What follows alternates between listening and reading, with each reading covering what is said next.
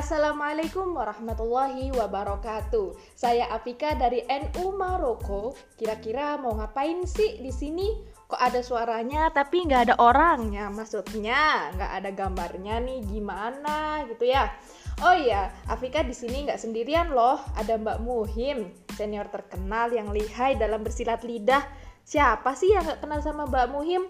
Wah, kalau ketemu langsung orangnya bakal kelepek-kelepek deh. Ya udah, kita di sini mau ngapain ya? Langsung saja. Oke, kita itu mau ngobrol santai tentang perempuan. Um, berhubung saya perempuan dan tamu kita yang jauh ini juga sosok perempuan yang hebat, langsung saja PCINU Maroko dan Fatayat menghadirkan podcast perdana yang belum ada namanya. Barangkali teman-teman ada usul nama nih, bolehlah nanti komen-komen ya di bawah kolom. Um, bersama Mbak Muhim yang sekaligus memperingati Haul Gus Dur yang ke-11, kita akan membahas tentang feminisme. Ya, karena kita juga perempuan, gimana sih feminisme itu dan apa sih perspektif Gus Dur tentang feminisme itu? Oke, langsung saja cus.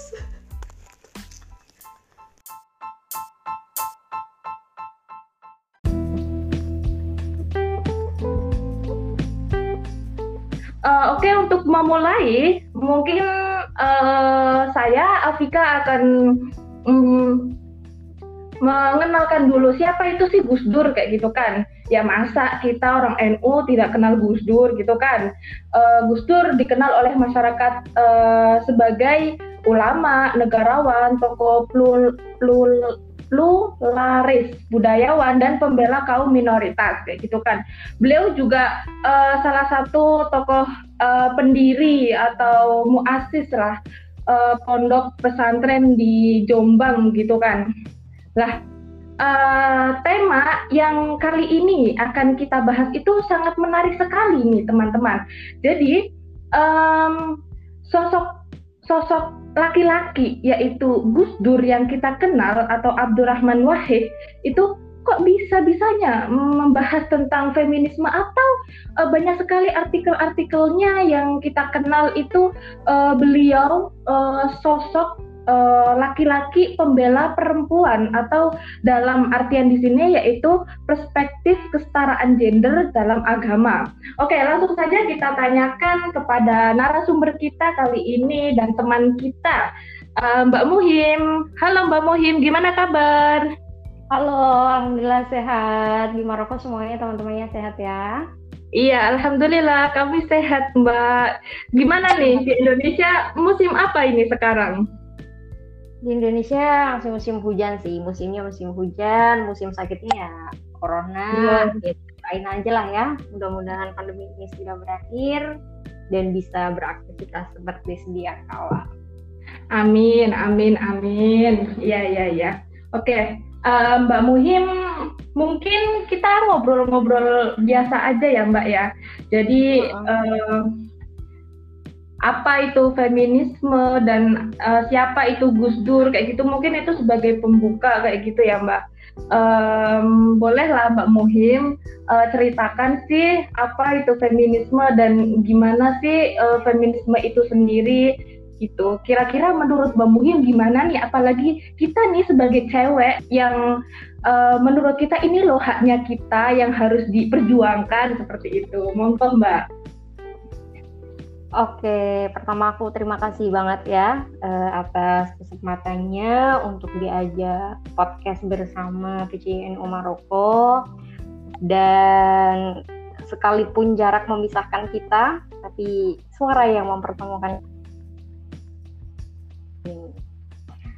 Uh, jadi pertama kita mengenal Gus Dur itu beliau adalah seorang tokoh bangsa yang sangat multi talent dan juga multi ya multi peran lah ya. Katakanlah beliau juga seorang politisi agamawan kemudian juga budayawan kiai juga terus kemudian ya apa pun lah olahragawan juga iya. Artinya uh, ketika kita melihat sosok Gus Dur itu yang terpintas itu bukan hanya seorang uh, presiden Indonesia keempat saja kan tetapi lebih dari itu beliau juga merupakan bapak pluralisme di Indonesia yang mana sangat gigih dalam memperjuangkan eh, nilai-nilai uh, persamaan atau nilai-nilai toleransi uh, antar umat beragamanya, terus kemudian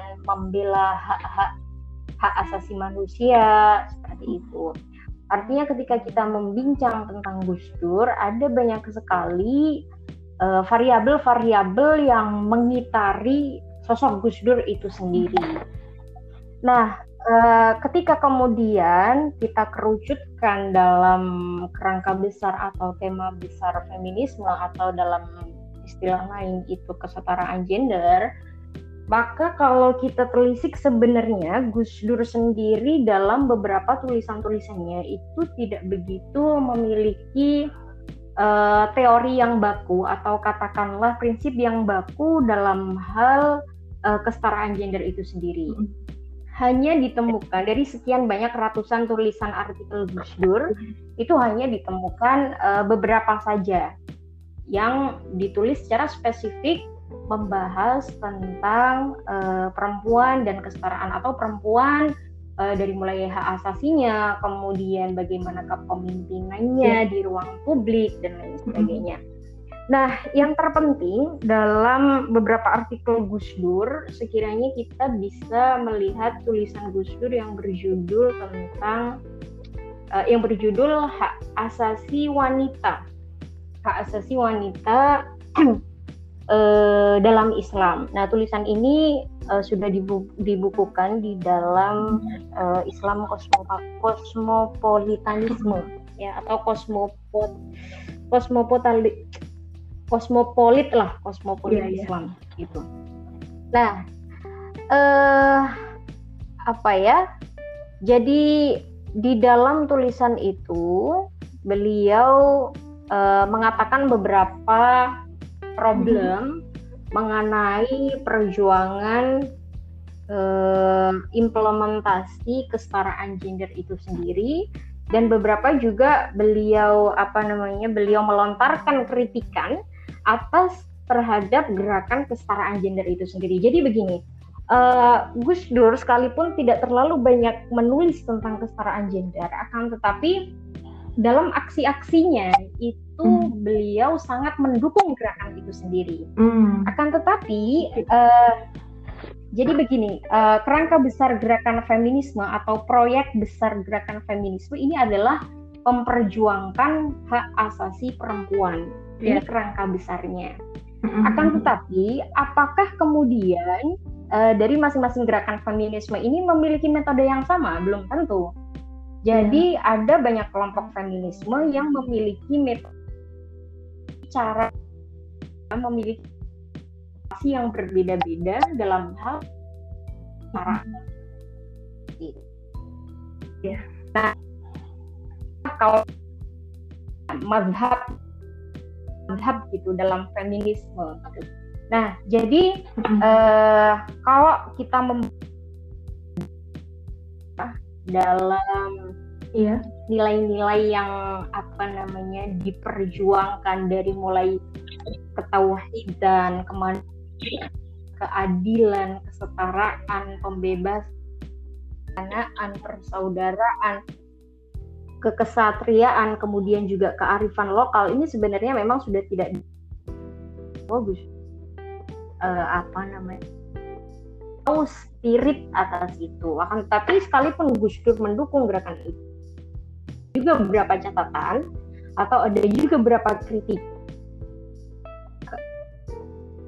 Gus Dur kepada gerakan feminis yang sangat aksesif atau sangat eksesif itu artinya sangat kata atau agak sedikit keras. Ya. Ya hak-haknya ini. Itu sebagai gambaran umum saja. Artinya uh, Gus Dur ya hmm. mendukung gerakan kesetaraan gender akan tetapi dalam ranah implementasinya itu beliau memiliki apa namanya implementasi yang berbeda, memiliki metode yang berbeda, memiliki cara yang berbeda. Hmm. Oke oke Mbak. Lah uh, tadi sudah dijelaskan ya Mbak Gus Dur ya, itu seperti itu Mbak Fika. Kalau gambaran umumnya Gus Dur dan feminis. Oke oke Mbak. Uh, tadi kan uh, Mbak Muhim sendiri mengatakan kalau Gus Dur itu kan dikenal oleh masyarakat luas nih sebagai ulama, negarawan, tokoh uh, pluralis, uh, budayawan dan bahkan tokoh kiai bahkan Kira-kira dalam memaknai arti feminisme sendiri itu ada pembeda nggak sebagai beliau nih uh, tokoh ulama, negarawan kayak gitu Mbak?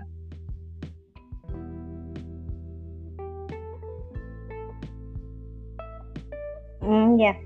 Uh, jadi begini, uh, beliau memaknai bahwa perbedaan antara ya. laki-laki ya. dan perempuan itu hanya ada dalam hmm. ranah pengalaman biologis. Katakanlah kalau misalkan perempuan uh, pengalaman biologisnya ya seperti menstruasi, hamil, menyusui dan lain sebagainya dan laki-laki juga memiliki pengalaman hmm. biologis yang berbeda. Akan tetapi asal usul penciptaan biologisnya itu sama antara hmm. perempuan dan laki-laki asal usul penciptaan yeah. biologis semuanya dari rahim ibu gitu dan semuanya juga tercipta dari uh, apa ya katakanlah air mani yang kemudian uh, menyatu dengan uh, apa namanya uh, proses alat reproduksi perempuan ya.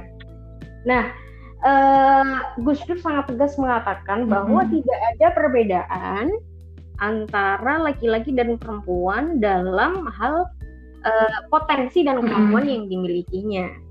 Jadi beliau sangat menentang keras bahwa tidak ada uh, bahwa perempuan separuh akalnya atau perempuan tidak bisa uh, memegang urusan-urusan yang penting, tidak bisa memegang hal-hal yang sekiranya itu bisa dipegang oleh laki-laki, tidak. Beliau sama sekali uh, menentang keras hal itu. Artinya secara potensi dan secara apa namanya kemampuan ini benar-benar uh, sama gitu antara laki-laki dan perempuan.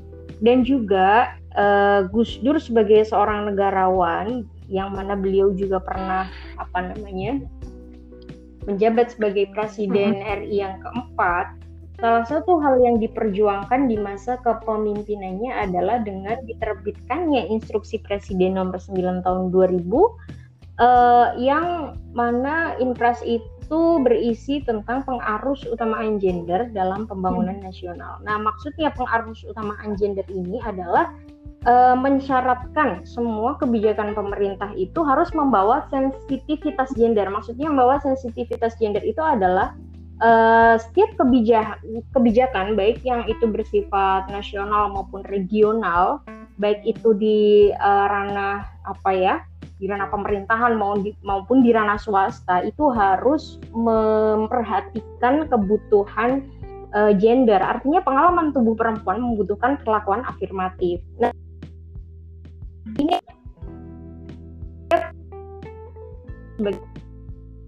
kawan ya yang yang dibutuhkan perempuan contoh konkretnya sekarang kalau kita temui di gedung-gedung mall itu sekarang misalkan uh, ruangan khusus ibu menyusui. Terus kemudian kalau hmm. di transportasi umum kita juga menemukan uh, apa ya tempat khusus ibu hamil khusus stasiun kita ya, juga uh, menemukan jalan khusus untuk ibu hamil, lansia dan lain sebagainya. Nah, ini ya, adalah sebenarnya kebijakan-kebijakan ini ini berawal dari impres yang diterbitkan Gus Dur bahwa memang uh, perempuan ini memiliki kebutuhan khusus gitu. Karena misalkan dibayangin aja kalau misalkan stasiun yang bawah tanah ya, stasiun yang bawah tanah, kita kita uh, dong kalau uh, perempuan hamil ada kan kasih uh, dari situ kemudian ada iya, fasilitas-fasilitas khusus yang memang disediakan untuk uh, apa namanya ibu hamil dan juga ibu dengan uh, anak kecil benar-benar membutuhkan itu artinya itu sebagai haknya gitu nah uh, kebijakan ini sangat terasa ya, terasa sekali di kehidupan kita saat ini, di mana memang sudah banyak ditemui fasilitas-fasilitas yang uh, memperhatikan kebutuhan khusus bagi perempuan tersebut gitu. Hmm. Nah ini salah satu dari apa ya langkah konkret Gus Dur. Kemudian yang kedua adalah ketika beliau menjabat menjadi presiden juga mengganti nama dari Kementerian Peranan Wanita Iya. Kemudian oh, iya, uh, dirubah atau diganti menjadi Kementerian Pemberdayaan Perempuan. Nah, artinya Kementerian Pemberdayaan Perempuan ini adalah uh, bagaimana sekiranya perempuan itu ya lebih lebih berdaya gitu. Iya, oke Mbak. La lanjut ya. Jadi tadi kan Mbak okay. Muhim sudah uh, sudah menjelaskan sangat gamblang sekali. Lah, sekarang nih mana kalau misalkan pengenalan kita tentang sosok Gus Dur yang sebagai kiai gitu loh, Mbak. Lah, memaknai hmm. tentang feminis ini kayak gitu. Kira-kira perspektifnya beliau tentang kesetaraan gender itu gimana sih kayak gitu dalam agama, entah itu dalam sunnah atau dalam gerakan-gerakan organisasinya beliau gitu. Oke okay, ya, uh, kita mengenal seorang Gus Dur dari beberapa gagasannya itu juga tentunya yang gak hanya Gus Dur saja sih maksudnya kalau misalkan kita uh, pengen mengenal seorang tokoh kita kan juga harus tahu latar belakang pendidikannya atau latar belakang sosiokulturalnya terus kemudian uh, apa namanya pada tahun berapa beliau berkembang beliau apa namanya menikmati pemikiran-pemikirannya itu jadi Gus Dur ini kan pure murni dididik dari pesantren ya, dari pesantren kemudian uh, apa namanya ya organisasi-organisasi di bawah NU sampai kemudian beliau sebagai ketua Tanfidiyah NU ya pada masanya.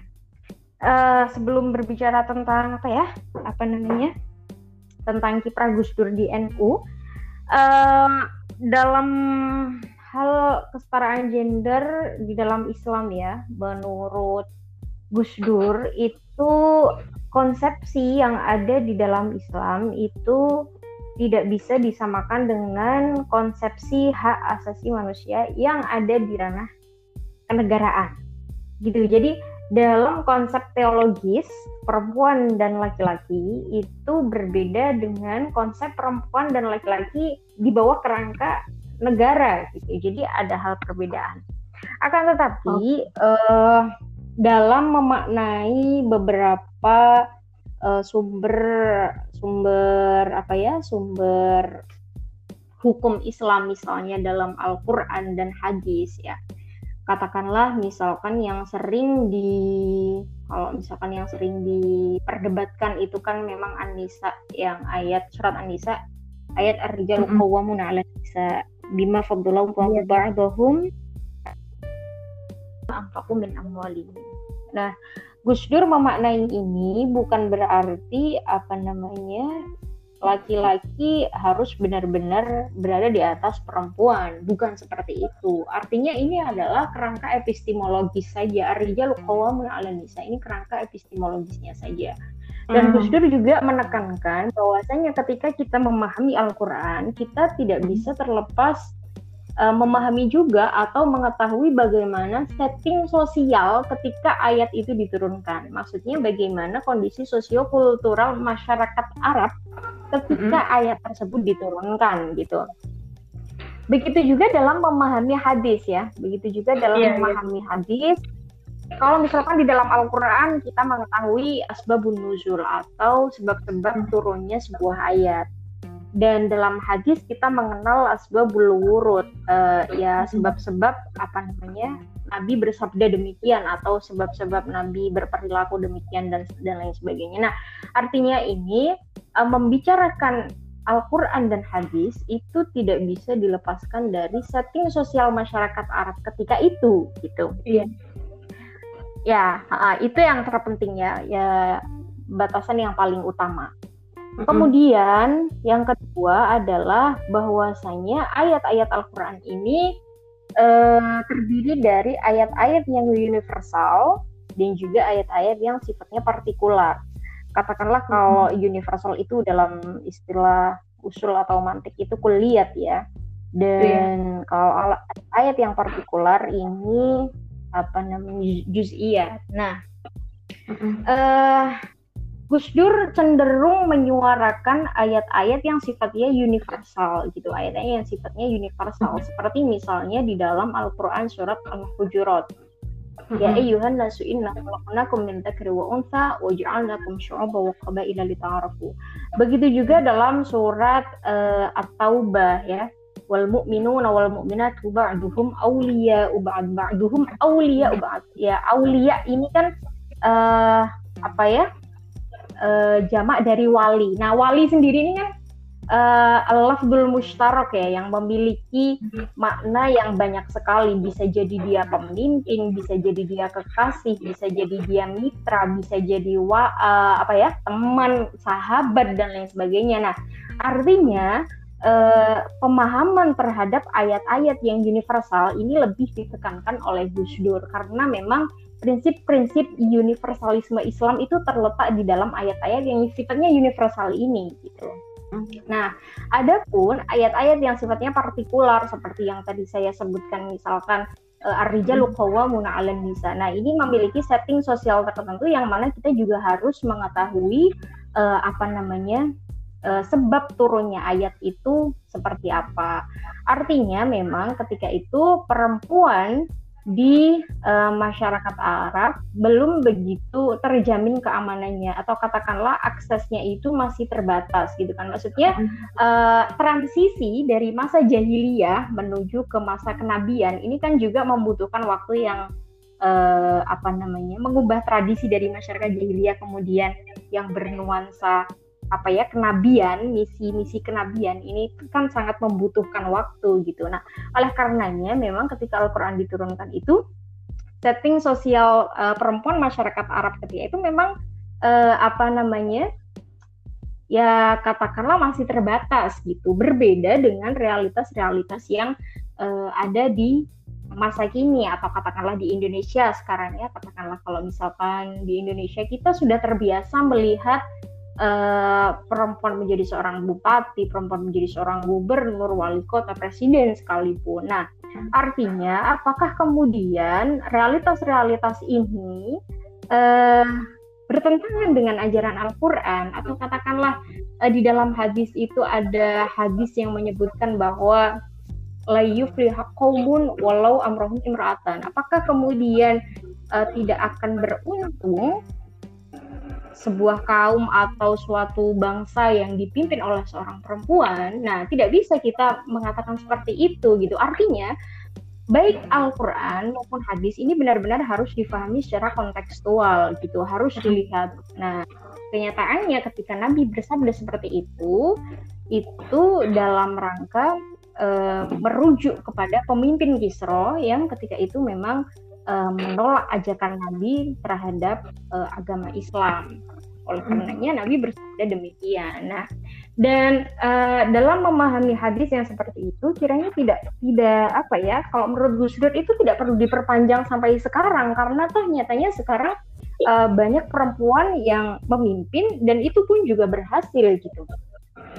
Uh, jadi uh, yang harus dilakukan dalam memahami sumber-sumber otoritatif Islam seperti misalnya Al-Quran dan Hadis itu adalah kita lebih kepada uh, apa ya lebih kepada menggali dalilnya bukan apa namanya produk matangnya katakanlah kalau misalkan dalam disiplin keilmuan Islam itu usul fikih ya kalau usul kalau mm-hmm. misalkan apa ya sebuah hukum itu kan ada mm-hmm. karena sebuah sebab jadi artinya ada hukum halal, haram, mubah dan lain sebagainya. Ada sebabnya tertentu. Nah, al-hukmu ya ini wujud dan wa'adaman. Artinya uh, ketika sebab diadakannya hukum atau diberlakukannya hukum itu masih berlaku, berarti hukum itu ya berlaku gitu. Akan tetapi ketika sebabnya itu sudah tidak ada, nah maka hukumnya juga bisa jadi berubah gitu. Nah artinya Gus Dur menekankan pentingnya uh, apa namanya uh, memahami Al-Quran dan hadis tidak hanya secara normatif belaka, tidak hanya secara uh, epistemologis belaka ya kan, tapi bagaimana kerangka metodologi untuk menggali ayat-ayat Al-Quran dan hadis yang bisa disesuaikan dengan konteks masa kini. Uh, begitu. Itu okay, dari sisi pemahaman. Uh, Iya, bisa dipahami ya. Uh, mungkin seperti ini, Mbak kan gerakan feminisme ini kan muncul dari barat ya. Uh, sedangkan seperti ini gambarannya. Feminisme itu kan muncul belakang ini di uh, maksudnya Islam itu sudah sudah ada sejak dulu kayak gitu loh dengan dasar-dasar dengan Al-Quran tadi yang sudah disebutkan dengan sunnah dan apalagi itu tadi ada dalil-dalilnya usul fik sebab akibat juga kayak gitu kan. Ya. Nah, uh, bagaimana dengan uh, perempuan perempuan nih yang sekiranya berkiprah di ranah publik kayak gitu loh mbak? Misalkan mm-hmm. gini um, uh, seorang perempuan yang uh, berkarir seorang perempuan yang berkarir gitu loh nggak uh, mengurusin masalah rumah tangganya jadi mungkin ya dia mengurusin cuman tapi lebih lebih uh, berkarir kayak gitu loh. Gimana ya? Iya mm-hmm. kayak gitu dan uh, misalkan menjadi dokter menjadi guru dosen dan lain sebagainya kayak gitu. Uh, mm-hmm. tapi di samping itu juga dia tidak melalaikan pekerjaannya sebagai rumah tangga kayak gitu loh sebagai ibu rumah tangga kayak gitu. Nah kira-kira uh, dalam artian ini um, menurut Gus Dur sendiri bagaimana nih dalam perspektif agama kayak gitu Terus uh, tadi yang sudah dijelaskan Mbak Muhim, mm-hmm. apakah uh, dari Al-Quran dan hadis yang turunnya di Arab itu ketika kita bawa dalil-dalil itu ke Indonesia, apakah cocok kayak gitu loh Mbak? Ketika dipraktekkan di Indonesia seperti itu. Mm-hmm. Oke, okay. ya. Uh, jadi kalau berbicara tentang peran perempuan di ruang publik ya, uh, bahkan Gus yeah. sendiri secara jelas mengatakan bahwa sebenarnya pembahasan itu itu sudah apa ya kalau sudah sudah selesai gitu sudah selesai sudah tidak perlu dibahas hmm. karena tidak ada larangan sedikit pun dalam Islam artinya apa Islam uh, menjamin hak asasi manusia itu di dalam lima hal itu tadi kalau kita dalam disiplin hmm. keilmuan Islam dalam makosid syariah adalah al kulliyat al khamas yang kemudian dikenal sebagai prinsip universalisme Islam itu tadi yaitu ya lima yang pertama uh, apa namanya perlindungan terhadap diri sendiri kemudian perlindungan hmm. agamanya perlindungan perlindungan hartanya kemudian perlindungan profesinya nah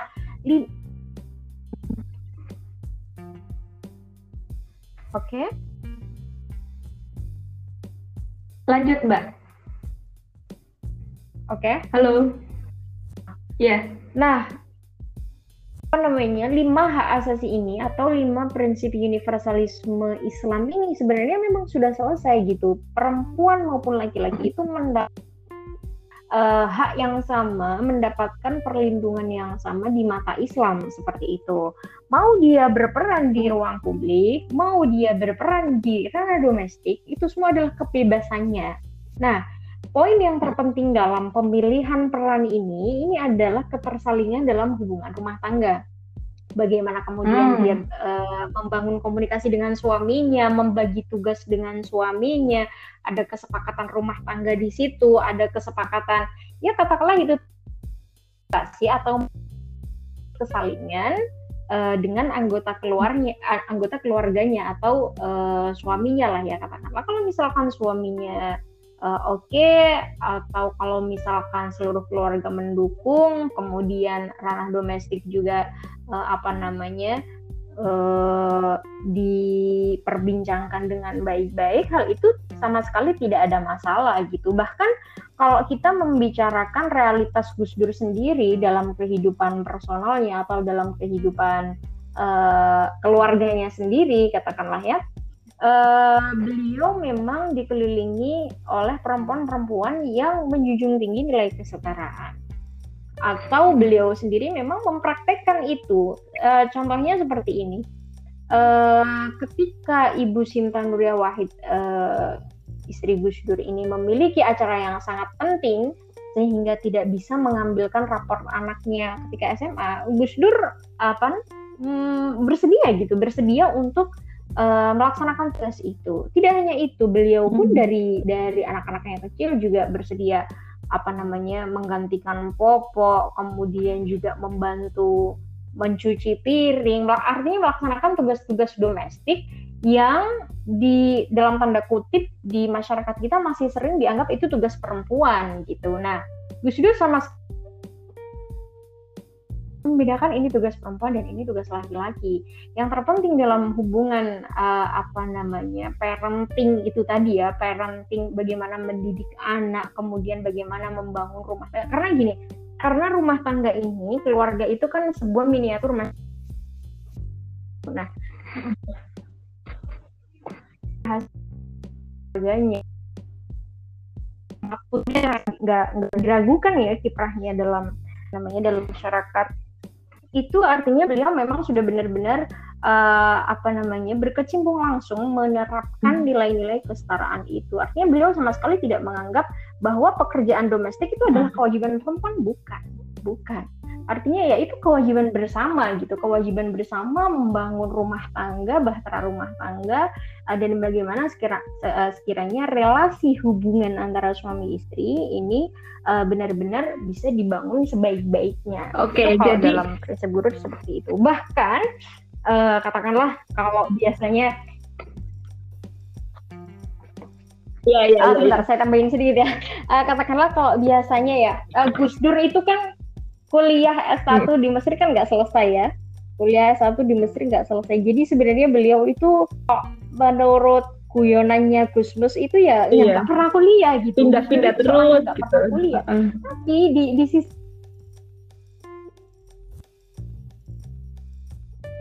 uh, suaranya terputus-putus mbak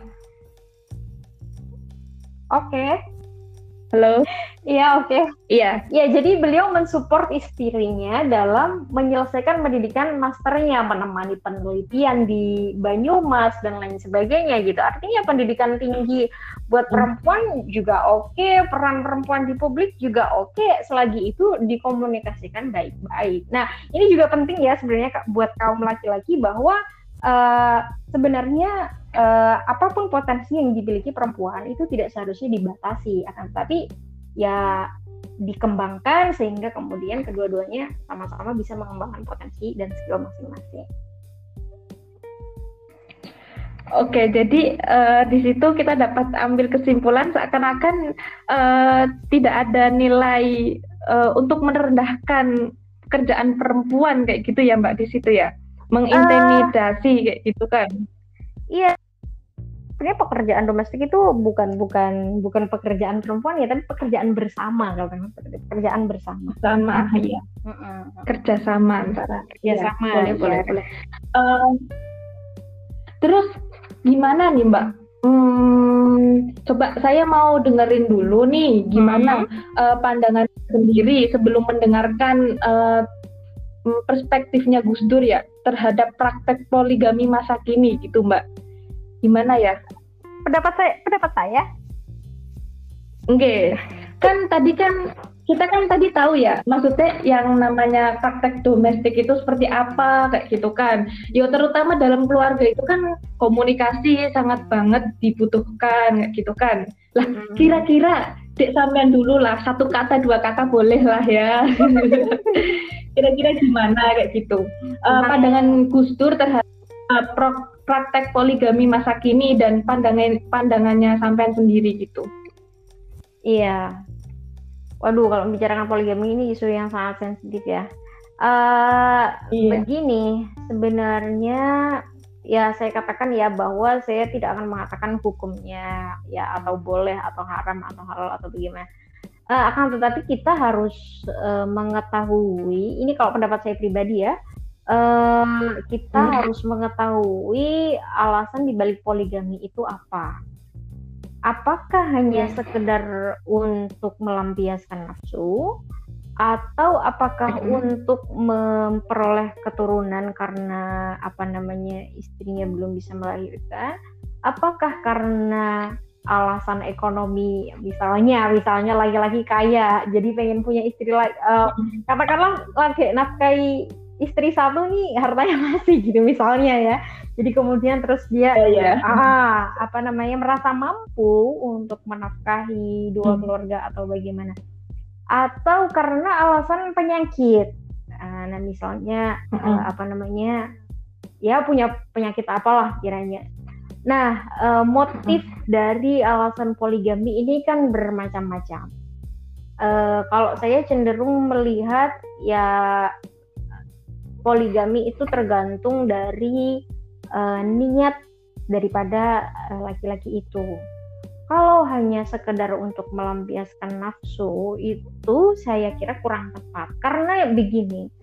Sekalipun memang di dalam Al-Qur'an itu ayatnya wa in khiftum alla tuqsitu fil yatama fankihu ma minan nisa'i matna wa thulatha warba. Artinya uh, asbabun nuzul dari ayat itu itu sebenarnya uh, berbicara tentang anak yatim gitu. Jadi seorang sahabat khawatir tidak bisa mengelola hartanya anak yatim, dia tidak bisa membedakan mana yang hartanya, mana yang hartanya anak yatim. Jadi kemudian ya itu tadi dia khawatir akhirnya dia apa namanya melakukan poligami itu tadi.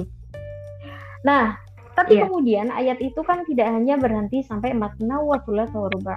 In khiftum alla tuqsitu fil yatama fankihu ma balakum minan nisa'i matna Nah, kemudian ada lanjutannya fa in khiftum alla ta'dilu. Penekanannya itu sebenarnya ada di situ. In khiftum alla hmm. ta'dilu fawahidatan aw ma malakat aymanukum. Kalau misalkan eh, apa namanya kamu khawatir laki-laki ini khawatir untuk tidak bisa berbuat adil maka fawahidatan satu ini lebih bagus gitu satu ini lebih layak lebih baik lah lebih maslahat istilahnya kayak gitu kalau misalkan khawatir tidak bisa berbuat adil karena uh, nilai utama atau kewajiban utama yang harus dimiliki seorang laki-laki ketika dia tidak berpoligami ini memang adil ini satu ayat ya. Dan di ayat lain itu ada lagi uh, yang menyatakan bahwa manusia itu tidak akan bisa adil. Tidak akan bisa adil. Walan tastati'u an ta'dilu bainan nisa. Walan tastati'u an ta'dilu bainan nisa. Kamu tidak akan pernah bisa adil tidak akan pernah bisa berbuat adil di antara para wanita itu tadi. Walan tastati'u an ta'dilu bainan nisa walau harustum wala tamilu kullal ila akhiril ayat. Nah, uh, jadi uh, kalau saya tidak akan mengatakan hukumnya ya. Lagi-lagi pertimbangannya adalah uh, apa namanya dua ayat ini tadi dan dua ayat ini tadi uh-huh. juga harus dibaca secara keseluruhan artinya syaratnya poin pertamanya itu adil dan kalau misalkan poin-poin utamanya ini adil kita juga harus maksud dengan adil bagaimana nanti kesepakatan antara pihak-pihak uh, yang bersangkutan seperti itu. Nah, dan ini kalau dari segi saya ya, dan uh, ketika kita melihat Nabi, sebenarnya Nabi itu mempraktekkan uh, katakanlah tidak selamanya Nabi itu selalu poligami. Maksudnya gini, beliau itu sama Khadijah itu monogami gitu, dan itu berjalan beberapa tahun. Baru setelah kemudian uh, setelah kematian Khadijah saja beliau baru apa namanya katakanlah memiliki istri yang lebih dari satu. Dan itu pun dan itu pun atas wahyu bukan bukan atas kemauannya sendiri atau atas uh, apa namanya nafsunya sendiri bukan tapi itu atas wahyu. Dan kalau misalkan uh, yang digaungkan dari poligami ini adalah uh, mengikuti sunnah Nabi, saya cenderung kurang setuju. Karena monogami pun beristri satu pun itu juga sunnah Nabi gitu. Jadi ada ya katakanlah uh, itu tadi justru saya lebih memilih monogaminya karena monogami itu tidak terlalu beresiko terhadap uh, ketidakadilan itu tadi. Itu kalau menurut perspektif saya. Kalau menurut yeah, yeah, perspektif yeah. Gus Dur ya, ya saya sebenarnya kurang apa ya, kurang begitu tahu bagaimana pendapat beliau terkait uh, tentang itu. Akan tetapi yang saya tahu beliau juga mendukung monogami. Artinya uh, ya karena hmm. khawatirnya ada mafsadah maksudnya ada hal-hal yang tidak diinginkan antara beberapa pihak itu tadi. Artinya yang lebih masalah untuk keluarga ya ya itu sebenarnya monogami ya seperti itu singkatnya. Oke okay, oke. Okay. bisa terima mbak. Jadi kalau untuk mungkin mungkin saya mungkin saya bisa bersuara nih di sini ya untuk iya, uh, praktek poligami praktek poligami versi saya nih mbak. Mungkin saya mengatakannya seperti ini. Kalau ada saya kenapa harus ada yang lain? Oh sih. Ya. Ya kan seperti iya itu. dong. Uh, oh, oh, oh, betul banget. Ya sangat luar biasa sekali ya Mbak Muhim ini, masya Allah lah. Um, mungkin sebelum terakhir nih Mbak, kita sebelum menutup atau uh, closing dari podcast perdana kita kali ini, um, kira-kira gimana nih? Kok harus perempuan kayak gitu loh? Kenapa perempuan itu harus dimuliakan kayak gitu? Mungkin uh, karena ini uh, podcastnya PCI kayak gitu kan otomatis uh, di situ juga ada mas-mas kan kayak gitu kan ya boleh lah kenapa harus perempuan yang dimuliakan kayak gitu loh terus uh, kenapa harus ada gerakan-gerakan semisal ini kayak gitu yo feminis feminis lah yo kesetaraan gender lah kayak gitu kira-kira itu gimana mbak menurut sampean kayak gitu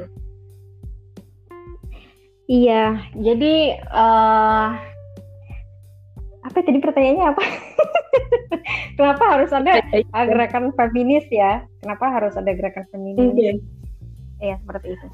Ya karena it, uh, begini, gerakan feminis itu kalau kita lihat dari sejarah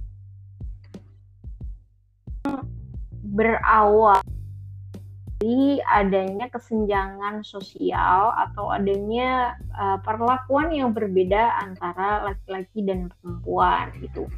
Kalau kita berbicara abad dulu bagaimana uh, apa namanya perempuan mendapatkan perilaku yang ya dari dulu lah uh, di masa jahiliyah ya. Kalau kalau kita berbicara tentang itu akan sangat panjang kayak misalkan perempuan dikubur hidup-hidup perempuan yang lahir dikubur hidup-hidup.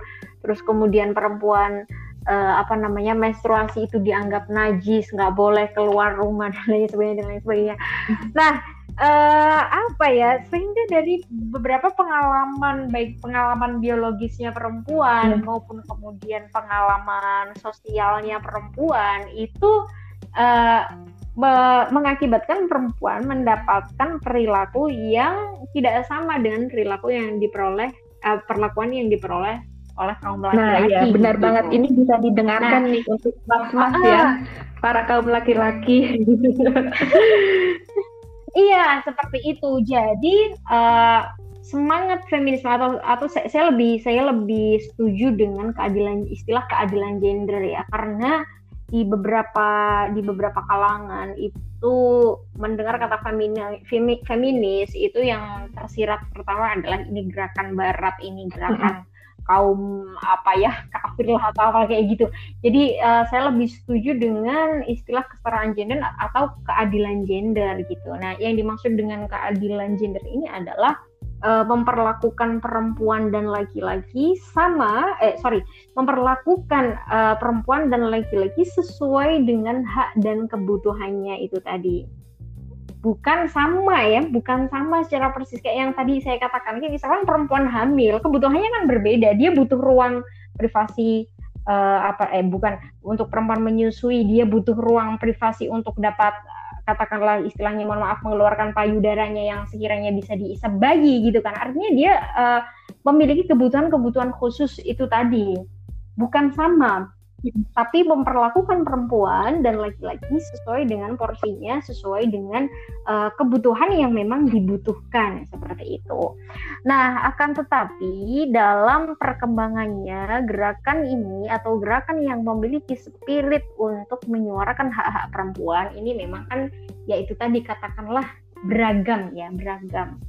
Nah, yang sebenarnya dikritik oleh Gus Dur dari uh, gerakan ini adalah cara pendekatannya. Artinya gini, spirit yang dibawa oleh gerakan ini seharusnya tidak kemudian menganggap laki-laki itu musuh mm -hmm. atau tidak menganggap bahwa perempuan harus di atas laki-laki atau tidak dianggap bahwa uh, perempuan ini harus benar-benar sama seperti laki-laki uh, laki-laki yang biasanya ngangkat galon ya perempuan ngangkat galon uh, laki-laki bisa dandang tiang listrik perempuan dandang tiang listrik bukan seperti itu gitu. Bukan bukan yang seperti itu yang diinginkan dari gerakan ini. Nah uh, apa namanya? Uh, sebentar saya tadi mau ngomong apa lupa Nah, bahwasanya spirit dari gerakan ini yang harus diperhatikan uh, oleh catatan Gus Dur yeah. ini ya, itu memang pendekatannya. Artinya yang dibutuhkan itu adalah relasi kesalingan antara perempuan dan laki-laki dan menempatkannya uh, pada posisi yang memang sama-sama hamba Tuhan mm -hmm. gitu. Bukan laki-laki yang lebih utama atau bukan perempuan yang lebih utama, tapi dalam kapasitasnya sebagai hamba ya spirit tauhid uh, kualitas yang sama gitu. Kalau kita bicara ayat Allah ya inna akramakum indallahi atqakum bahwasanya orang yang paling mulia di sisi Tuhan itu ya ya orang yang paling bertakwa gitu. Bukan bukan laki-lakinya bukan jenis kelaminnya bukan ras bukan sukunya akan tapi atqakum gitu kan bukan kayak misalkan unsakum atau zukurakum bukan seperti itu akan tapi atqakum artinya uh, sebenarnya per, uh, spirit ini adalah ya kembali menyadarkan kita bahwasanya kita ini sama-sama sebagai hamba Tuhan yang memiliki kedudukan yang sama di mata Allah dan memiliki tugas yang sama juga di bumi sebagai katakanlah mandataris ya khalifah fil art khalifah fil art artinya uh, sebagai manusia yang bertugas untuk me memakmurkan bumi atau ya untuk mengelola bumi katakanlah seperti itu. Dan begitu juga dalam relasi domestik dalam dalam skala kecilnya relasi domestik atau hubungan rumah tangga itu pun bukan berarti uh, apa ya izin suami mutlak yang menjadikan perempuan apa ya tidak bebas berkehendak atau katakanlah bukan surga di telapak kaki suami. Seperti itu. Jadi uh, ya, relasi ya. kesalingan itu tadi yang ingin Gus Dur tekankan gitu loh. Bukan penghambaan seorang istri kepada suami. Itu jadi kan uh, kalau kita temukan sekarang masih banyak sekali pasangan atau katakanlah keluarga yang yang menganggap istrinya itu pembantunya apa-apa harus disiapkan apa-apa harus uh, ya begitulah apa namanya prakteknya itu masih katakanlah memperbudak istri itu masih ada ya. Saya nggak nggak nggak katakan entah ini mayoritas atau apa akan tapi uh, realitas-realitas seperti ini ini masih ada. Nah yang ingin disadarkan Gus Dur ini adalah yaitu uh, hubungan domestik pun dalam hubungan pun ya si kesalingan seperti itu. Tidak boleh uh, seorang hamba misalkan suami ini memperbudak istrinya gitu jadi memang harus sama-sama menjalankan uh, misi imaratul art itu tadi. Dan ini penting bagi gerakan kaum gerakan kesetaraan gender atau gerakan keadilan gender sekiranya bisa mengubah apa namanya mindset laki-laki mm-hmm. bahwa gerakan kesetaraan ini nggak nggak sepenuhnya merendahkan laki-laki gitu. Jadi jangan sampai gerakan ini justru merendahkan laki-laki dan ingin perempuan merasa superior. Nah, ini yang ditekankan Gus mm-hmm. gitu.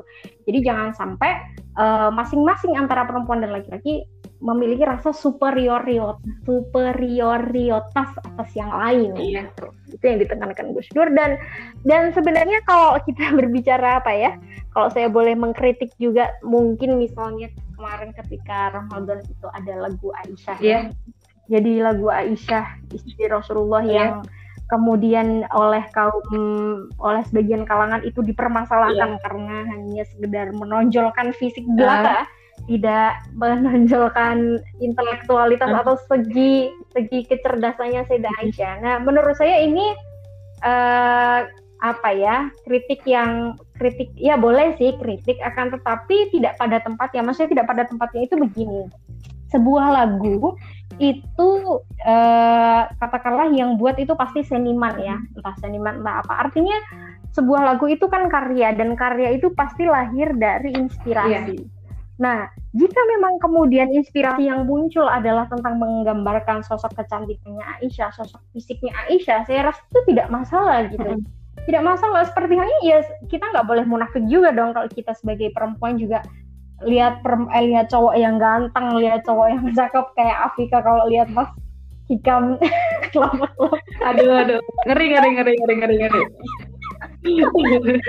nah maksudnya itu uh, boleh boleh saja karena lagu itu kan seni gitu ya. lagu itu kan seni kalau memang uh, apa namanya ingin ditonjolkan kebetulan fisiknya, it's okay, not problem, gak, gak ada yang bermasalah. Yeah. Nah, yang jadi bermasalah malah justru seolah-olah kaum feminis ini menyudutkan si pengarang lagu uh, bahwa tidak menonjolkan intelektualismenya Aisyah. Menurut saya ini juga terlalu berlebihan ya respon. Iya yeah, benar-benar. Nah itu di antaranya mungkin contoh konkretnya seperti itu. Oke. Okay. Um, banyak banget ya tekananku ya. Tapi keren. Lah Mbak Muhim. Sampai saya pun kayak tercengang gitu. Wah iya ya ternyata oh seperti ini ya kayak gitu kan. Uh, out of my mind kayak gitu kan. Bukan out of the book lagi tapi out of my mind mbak beneran. Apa? memang jadi memang kita itu ya kita yang sama-sama perempuan uh, yang sudah tahu uh, akan gerakan ini. Dan untuk mas-mas juga kaum cowok, kaum laki-laki yang mendengarkan podcast kita kali ini ya tadi sudah dipaparkan dengan sangat jelas oleh Mbak Muhim ya perlakukanlah perempuan sesuai dengan porsinya kayak gitu kan? Iya mm -hmm, perlakukan karena apa? bagaimana kau ingin diperlakukan juga gitu prinsipnya Iya betul banget gitu kan. Jadi memang ya kenapa perempuan itu harus dimuliakan? Kalau misalkan menurut saya sendiri seperti ini, Mbak. Hmm. Jadi uh, generasi itu tidak bisa berlanjut tanpa adanya perempuan kayak gitu kan. Hmm. Ya, ya contohnya itu kayak ini tugas yang paling urgent bagi perempuan kan uh, misalkan mengasuh dan mendidik manusia atau dalam arti lain mendidik anak ketika nanti sudah menikah dan ya kayak gitu kan. Mm -hmm. Jadi uh, lah bagaimana kayak gitu? Ketika perempuan itu tidak ada atau perempuan itu ditelantarkan dengan kata lain yuk tidak dimuliakan kayak gitu kan. Lah tidak ada pendidikan yang baik kayak gitu. Bagaimana? Sedangkan Al-Qur'an sendiri kan sudah menggarisbawahi ibumu ibumu ibumu kayak gitu kan. Hmm. konteks perempuan itu lebih banyak daripada laki-laki seperti itu. Tapi di sini memang uh, tidak tidak juga me, apa ya merendahkan laki-laki kayak gitu. Yeah. bahwa laki-laki ini lebih rendah dari perempuan. Tidak kayak gitu. Kan kembali lagi tadi perlakukan perempuan sesuai dengan porsinya. Ini sangat menarik sekali sih podcast kita kali ini. Dan um, terima kasih banget uh, untuk tamu kita Mbak Muhim. Um, semoga bisa bermanfaat ya Mbak ya. Dan bolehlah iya, uh, sebelum sebelum diakhiri nih untuk podcast perdana kita uh, boleh untuk uh, Mbak Muhim uh, menyampaikan uh, closing statementnya. Monggo. Oke, uh, jadi pada dasarnya setiap manusia itu diciptakan dari uh, apa namanya proses yang sama, ya katakanlah dari air mani yang hina gitu kalau kalau dalam Al-Qur'an ya. Hmm. Mimma immahin gitu. Jadi air mani yang hina artinya setiap perempuan eh setiap perempuan, setiap manusia ini memang uh, asal usulnya ini uh, apa ya dari sesuatu yang jorok. Maka uh, ketika dia lahir ke dunia, kemudian dia mendapatkan mandat untuk mengelola bumi, ini juga apa ya ini sebuah anugerah yang luar biasa gitu, yang luar biasa yang tidak bisa didapatkan oleh makhluk-makhluk Allah yang lain. Dan uh, tugas utama manusia sebagai khalifatullah fil art ini yang pertama adalah tentunya maksudnya menegakkan keadilan utamanya adalah menegakkan keadilan dan menegakkan keadilan ini tidak akan terwujud tanpa uh, adanya sikap sorry. Oke okay. masih kedengaran? Ya mbak kedengaran. Ya. Nah keadilan ilusi apabila masing-masing kita hanya menganggap makhluk lain ini sebagai musuh atau hanya menganggap makhluk lain ini lebih rendah dari kita itu tidak akan terwujud. Artinya uh, prinsip keadilan hmm. dan juga prinsip ketauhidan utamanya adalah bahwa kita uh, sebagai makhluk Tuhan memiliki posisi yang sama dan juga kita bagaimana sosialisasi kita terhadap manusia ini juga saling menghargai, saling mengenal uh, lita arofu itu artinya saling mengenal itu tidak hanya sekedar say hello atau apa tapi mengenal ini adalah juga bermaksud juga mengerti memahami kemudian menghargai satu sama lain. Artinya uh, prinsip uh, keadilan dan juga prinsip kemanusiaan inilah yang menjadi titik titik tekan utama kita dalam kehidupan. Karena uh, sebagaimana sabda Rasul ya irhamu mangfil art irhamukum mangfis sama ketika kamu bisa mengasihi siapa pun itu yang ada di muka bumi maka tentunya Allah juga akan memberikan uh, kasih sayang gitu. Artinya uh, prinsip ketauhidan prinsip kemanusiaan dan juga prinsip keadilan ini adalah uh, ketiga prinsip yang memang harus kita pegang betul-betul sebagai uh, apa ya spirit kita untuk uh, hidup di muka bumi ini. Mungkin seperti itu. Dan aku ah iya ya. Oke, okay, terima aku kasih Mbak Terima kasih banyak ya untuk uh, eh, NU Maroko udah masya Allah sekali memiliki apa ya inisiatif yang luar biasa untuk mengadakan podcast, kemudian dalam rangka memperingati Haul Gus Dur, pokoknya semakin sukses selalu untuk FPCI NU Maroko. Tepuk tangan dong. Iya. iya. Kita tepuk tangan, tepuk tangan online, Mbak. tepuk tangan virtual. Um, iya, salam virtual. um, sangat menarik sekali ya uh, pendapat-pendapat dan uh, argumentatif sekali apa yang sudah disampaikan oleh Mbak Muhim. Nanti mungkin ini jangan sampai terputus ya. Bisa jadi ini yang pertama, nanti bisa yang kedua, yang ketiga. Nanti kalau toh, kalau ini udah udah ada ragu ini sama ya. PCI, nanti ke depannya bisa sama Iya, ke depannya bisa sama Fatayat gitu ya Mbak ya. Aduh, beneran udah rambu-rambu malak ini namanya. iya, kan sogokan sogokan atau hadangan untuk seorang senior yang sudah hebat Masya seperti Mbak Muhim ini ya amin. jangan ini lah jangan disia-siakan kayak gitu. Kan sebagai contoh kan Mbak ya? Ya. Jadi uh, kasih sekali waktunya sudah meluangkan waktu untuk kita bincang-bincang ya, kayak gitu kan. semoga ya. bisa menarik perhatian. Amin amin. Iya. Semoga naik ratingnya loh Amin. iya, aduh, emang yang namanya kegiatan zaman sekarang ini kan sangat, sangat inovatif ah, gitu loh, Mbak. Ah, Jadi ya, ya apa pun bisa diapakan. Hmm, gitu. hmm, hmm, iya.